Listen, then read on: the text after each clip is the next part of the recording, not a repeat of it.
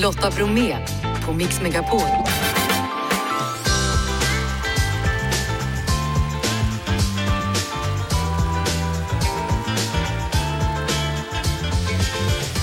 Hallå där och varmt välkommen in till oss denna torsdag.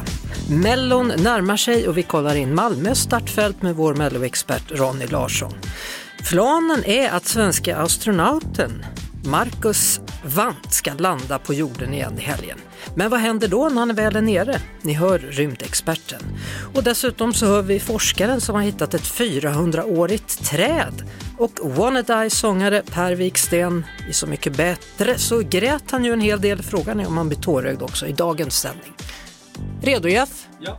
Janne, Jajamän! klar?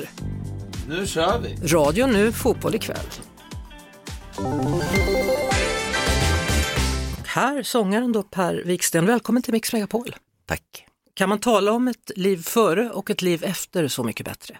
Ja, absolut. Eh, hur har det varit efter programmet?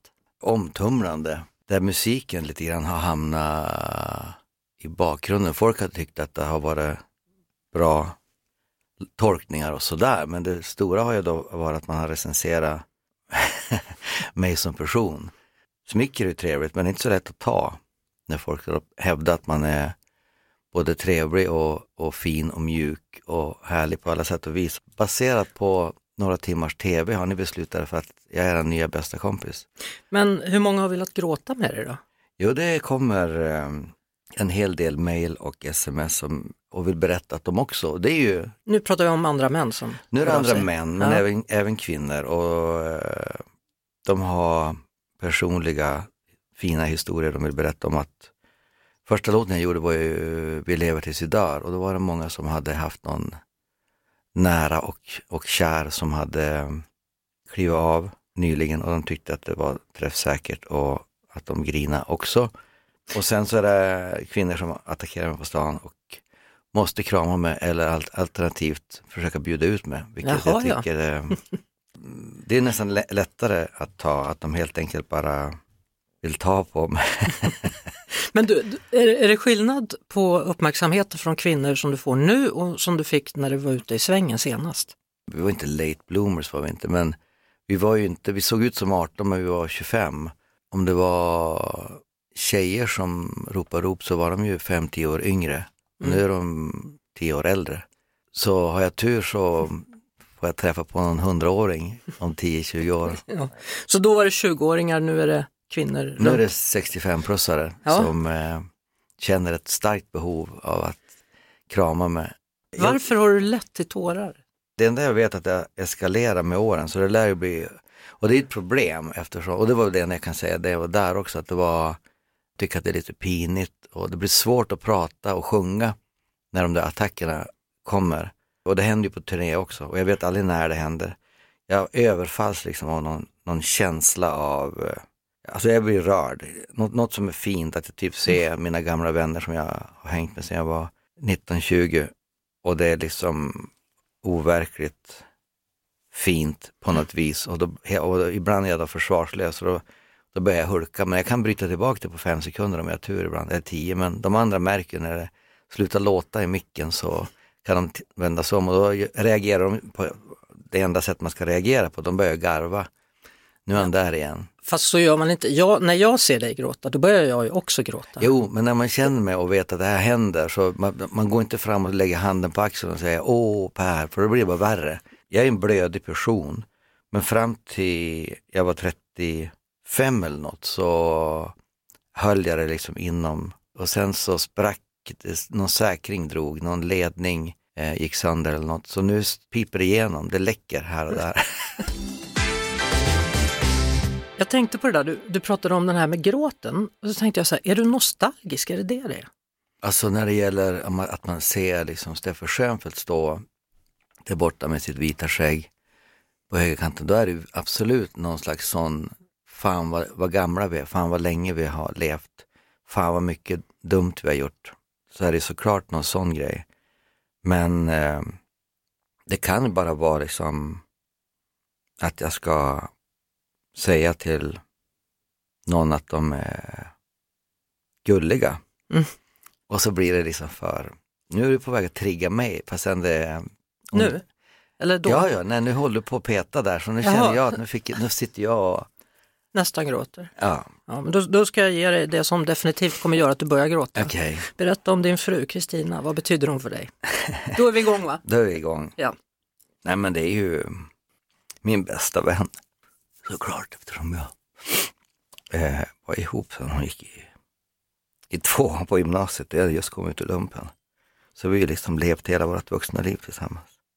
Ja, hur funkar det där att leva ihop och jobba ihop? Det har ju funkat ypperligt för vår del.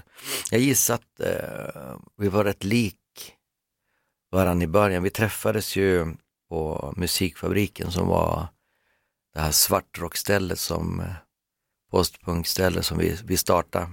Och dit åkte hon och hennes kompisar.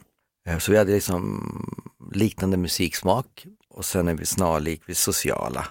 Båda två gillar att garva och, och busa och sådär. Och så var vi så unga gissar jag, så vi formade varann. Så vi, vi knådade och knölade varann åt, åt samma håll. Så i och med de första åren knådning så är vi liksom, vi är nästan samma person. Hur gör ni när ni bråkar? Eh, Är det det som är knådning? Nå, ja, nej, knådandet är att man från början, eh, jag var liksom lite busigare än henne. Så hon vande sig vid, vid sådana grejer och så sen så fick hon mig att vara lite artigare språkmässigt kanske. eh, Eftersom hon är lite mer sofistikerad än vad, jag är en inlandsbonde, hon är växt upp i Umeå. Hon lärde sig eh, ta dåliga skämt och jag lärde mig bete mig. Nya singeln heter It's you, it's you, it's you. Man är dålig på att säga till, säga till folk att de är bra. Man säger till folk när de är dåliga. Men man säger inte, eh, du är alltid så snäll eller, och då Mm. tänkte jag eh, att jag skriver tre verser om tre viktiga personer. It's you, it's you, it's, It's you. you. För att helt enkelt, eh, för alltid.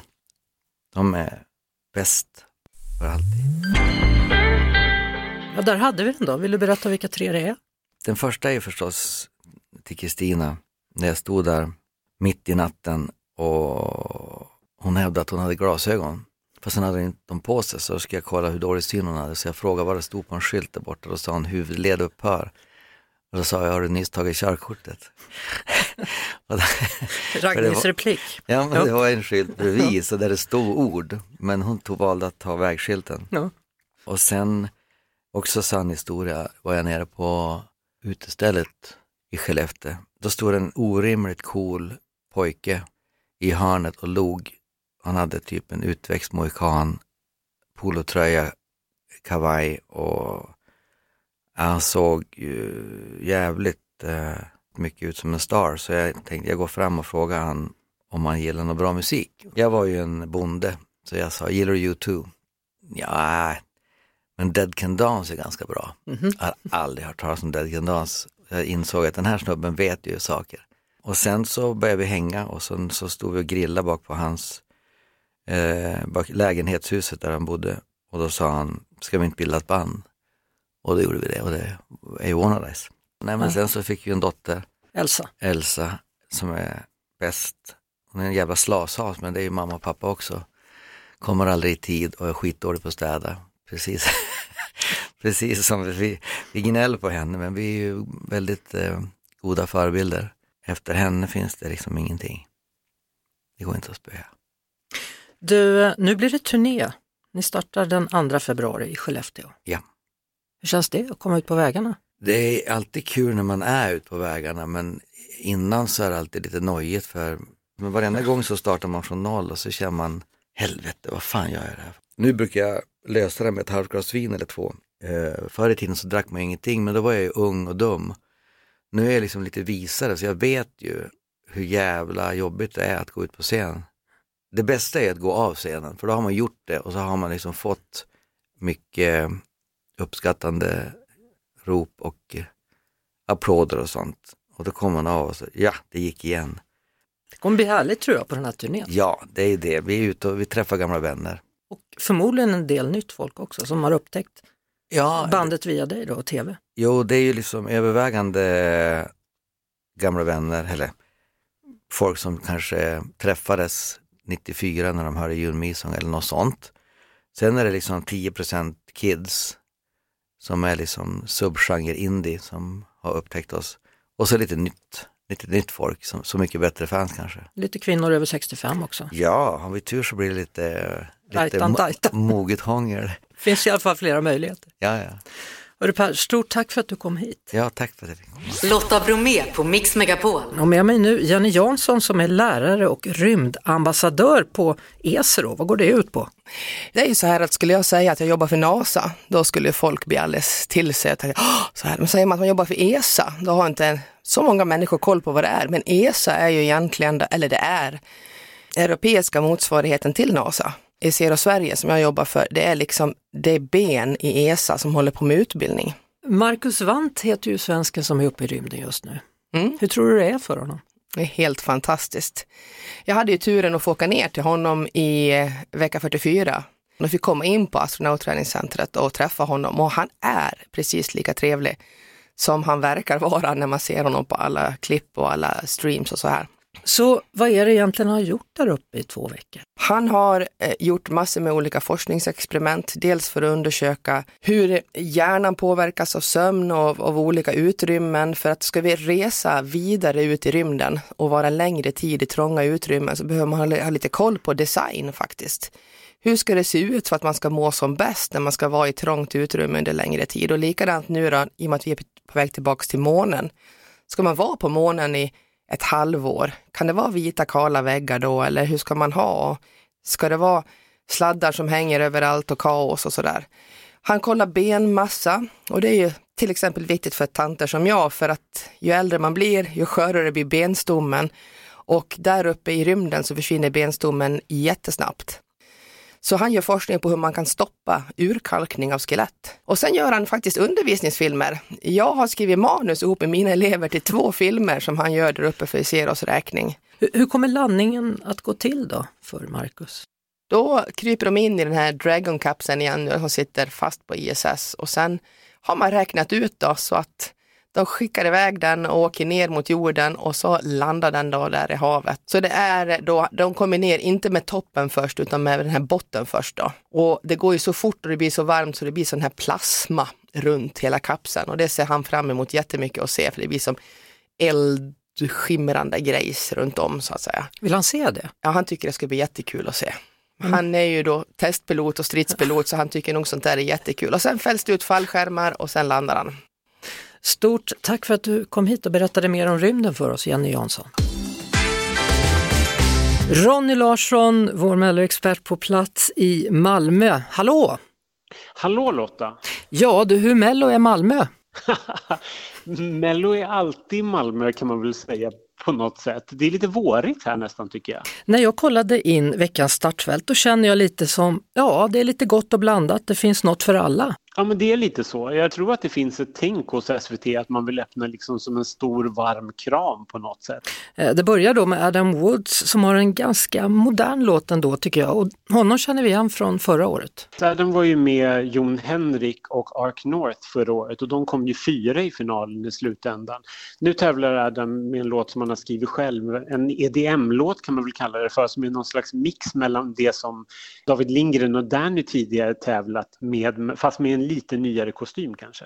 Eh, låt nummer två då, då är det Samir och Viktor som gör comeback har inte varit med i Mello sedan 2018. De har alltid gått till final på ett eller annat sätt och senast gick de direkt till final. De verkar absolut mycket mognare än vad de har varit tidigare och har landat lite grann.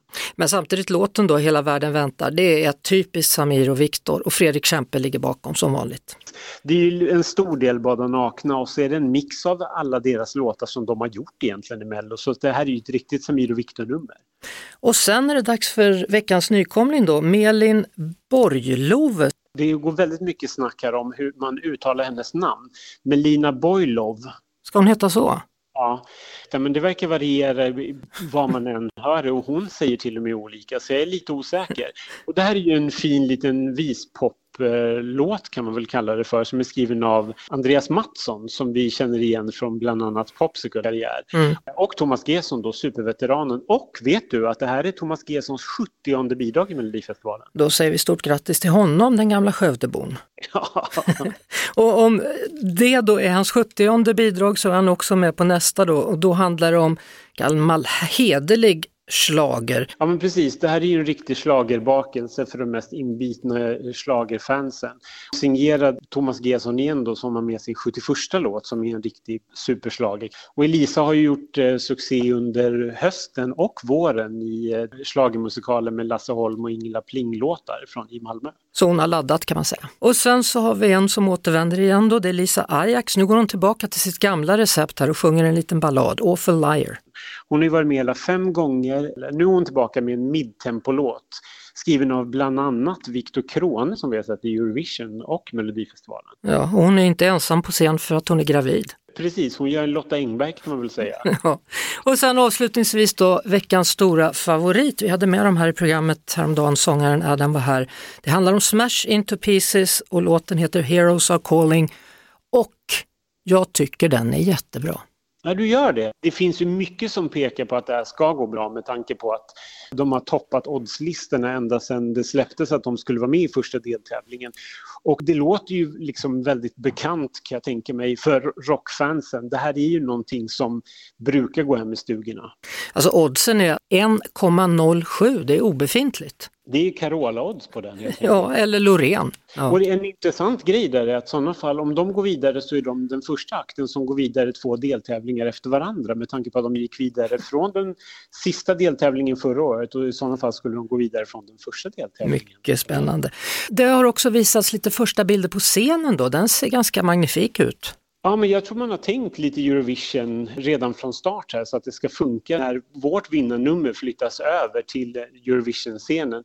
Det är ganska enkelt men det, men det blir stiligt och jag tror att det kommer bli väldigt snyggt i rutan. Och på lördag, då kommer också du vara med på ett hörn då? Ja, precis. Jag kan inte säga så mycket mer om exakt hur jag kommer vara med, men jag kommer vara med. Ja, då får vi äntligen se dig också. Det blir ju perfekt. Ronny Larsson, ha en fantastisk melodifestival på plats i Malmö. Ja, tack snälla. Lotta Bromé och den perfekta mixen på Mix Megapol. Och idag så har jag ju gästats då av Per Wiksten, sångare i The Wannadies här på Mix Megapol. Och det bandet ger sig ut på turné med start imorgon. Och för den som såg senaste säsongen av Så mycket bättre så blev det ju alltså en del tårar för Per. Man trodde ju nästan aldrig att de skulle ta slut. Det är också under Så mycket bättre, det var intressant. Och det, visserligen, det var på, på, när jag och Kristina gifte oss, när vi hade varit ihop då i 15 år, så tog det slut tårar. För jag började grina under vigseln, men framförallt under mottagningen så kom det liksom bara en lavin av tårar. Och sen till slut, min best man han tar i slutet, då var det slut tårar. Och det märkte jag på, eh, på programmet också. När det gick som sämst, det var när jag gjorde tre kvällslåtar. Och då grinade jag på soundcheck, men då, då, jag var färdig när det var sändning. Och sen fick jag en lunch. Då grinade jag rakt igenom hela låten. Så vi fick göra flera tagningar för jag bara fränna och fränna och fränna. Så det var som att man har liksom 2,7 liter tårar. sen är det slut. Lotta Bromé och den perfekta mixen på Mix Megapol. Sundsvall fyller 400 år och Jenny Sandström, forskare och biolog, fick i uppdrag att hitta ett träd med samma ålder. Välkommen till Mix Megapol! Tack så mycket! Ja du, har du hittat trädet nu till slut? Ja, men jag har ju det efter många års letande. Nu har jag ju kanske inte letat varje dag åtta timmar, men jag började leta 2020 och nu är det hittat. Ja, fyra år. Var letade du någonstans? Ja, det har varit en koncentrerad jakt eh, till det som heter då Norra berget och Norra bergets naturreservat i skogen där. Det är väldigt också väldigt fiffigt för att Norra berget blickar ut över hela Sundsvalls stad. Man kan säga att trädet står på rätt plats med tanke på 400-årsfirandet av staden. Ja men verkligen. Om man nu kan säga att ett träd har blickat ut så har den här trädet, den här tallen blickat ut över stadens hela 400-åriga historia. Och sett när den brann ner och allting också. Jajamän, det var ju relativt nyligt i trädets historia, 1888 som staden brann. Hur vet man att ett träd är 400 år gammalt? Ja, man måste faktiskt eh, ta ett prov från det för att gissningsleken funkar inte. För att verkligen, verkligen veta så måste man ta ett litet prov med det som kallas en tillväxtborr. Den är en ihålig borr och så får man ut en halv centimeter i diameter borrkärna som man då faktiskt kan se varje årsring på trädet. För det var det jag funderade på, för du har inte varit tvungen att ta ner trädet för att kunna se hur gammalt det var, då är det ju förstört. Nej, det, det hade varit väldigt otäckt. Utan man tar bara ett litet, litet prov och just som jag fokuserar på tallar då, tallar är tåliga, de är tuffa träd så att ett prov, ett borrprov, det skadar dem inte särskilt mycket alls utan nästan som en vaccinering, de blir nästan bara lite tåligare och tuffare av det. Hur var känslan då när du till slut hittade rätt? Ja men såklart jätteglad. Jag hade ju i det närmaste lovat 2020 att jo men det är klart att jag kommer att hitta det här trädet. Så, så först såg du resultatet då i labbet antar jag och sen? Ja precis och då var jag i min ensamhet där så jag tror att jag tog ett litet glädjeskrik där i, i labbet i min ensamhet. Sen fick jag ju berätta för alla mina kollegor att nu är jakten slut. Och sen borde du väl rimligtvis ha åkt upp till trädet och gett en kram eller? Ja men absolut, det eh, gillar jag ju såklart att göra. Jag brukar alltid klappa om alla träd innan jag provtar dem också för att det känns väldigt viktigt och ganska snart efter jag hade konstaterat vilket träd det var som var 400 år gammalt så åkte jag upp dit. Vad har du döpt trädet till då? I början så hette den väl Gamlingen men det får väl heta 400-åringen nu då kanske. Stort tack för att du ville vara med och berätta i Mix Megapol, Jenny Sandström. Hälsa trädet du! Det ska jag, absolut. Jeanette, Lotta, Elsa och Janne säger tack och hej för idag. Vi är tillbaka imorgon och då med Dileva, Dogge Doggelito och Emilia från Love is blind. Det är fredagshäng nämligen. Vi ska testa på den här maträtten som Macron fick äta. Uh, pyttipanna med bearnaise, bland annat. Sen går vi igenom resten av veckans händelser såklart. Uh, Erik Myrlund alldeles strax, producent för vår sändning idag. Som vanligt Jeff Neumann.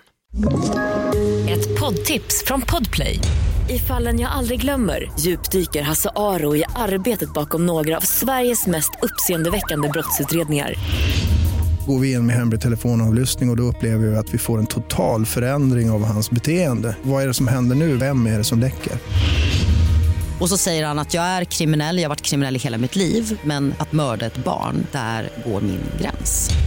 Nya säsongen av Fallen jag aldrig glömmer på Podplay.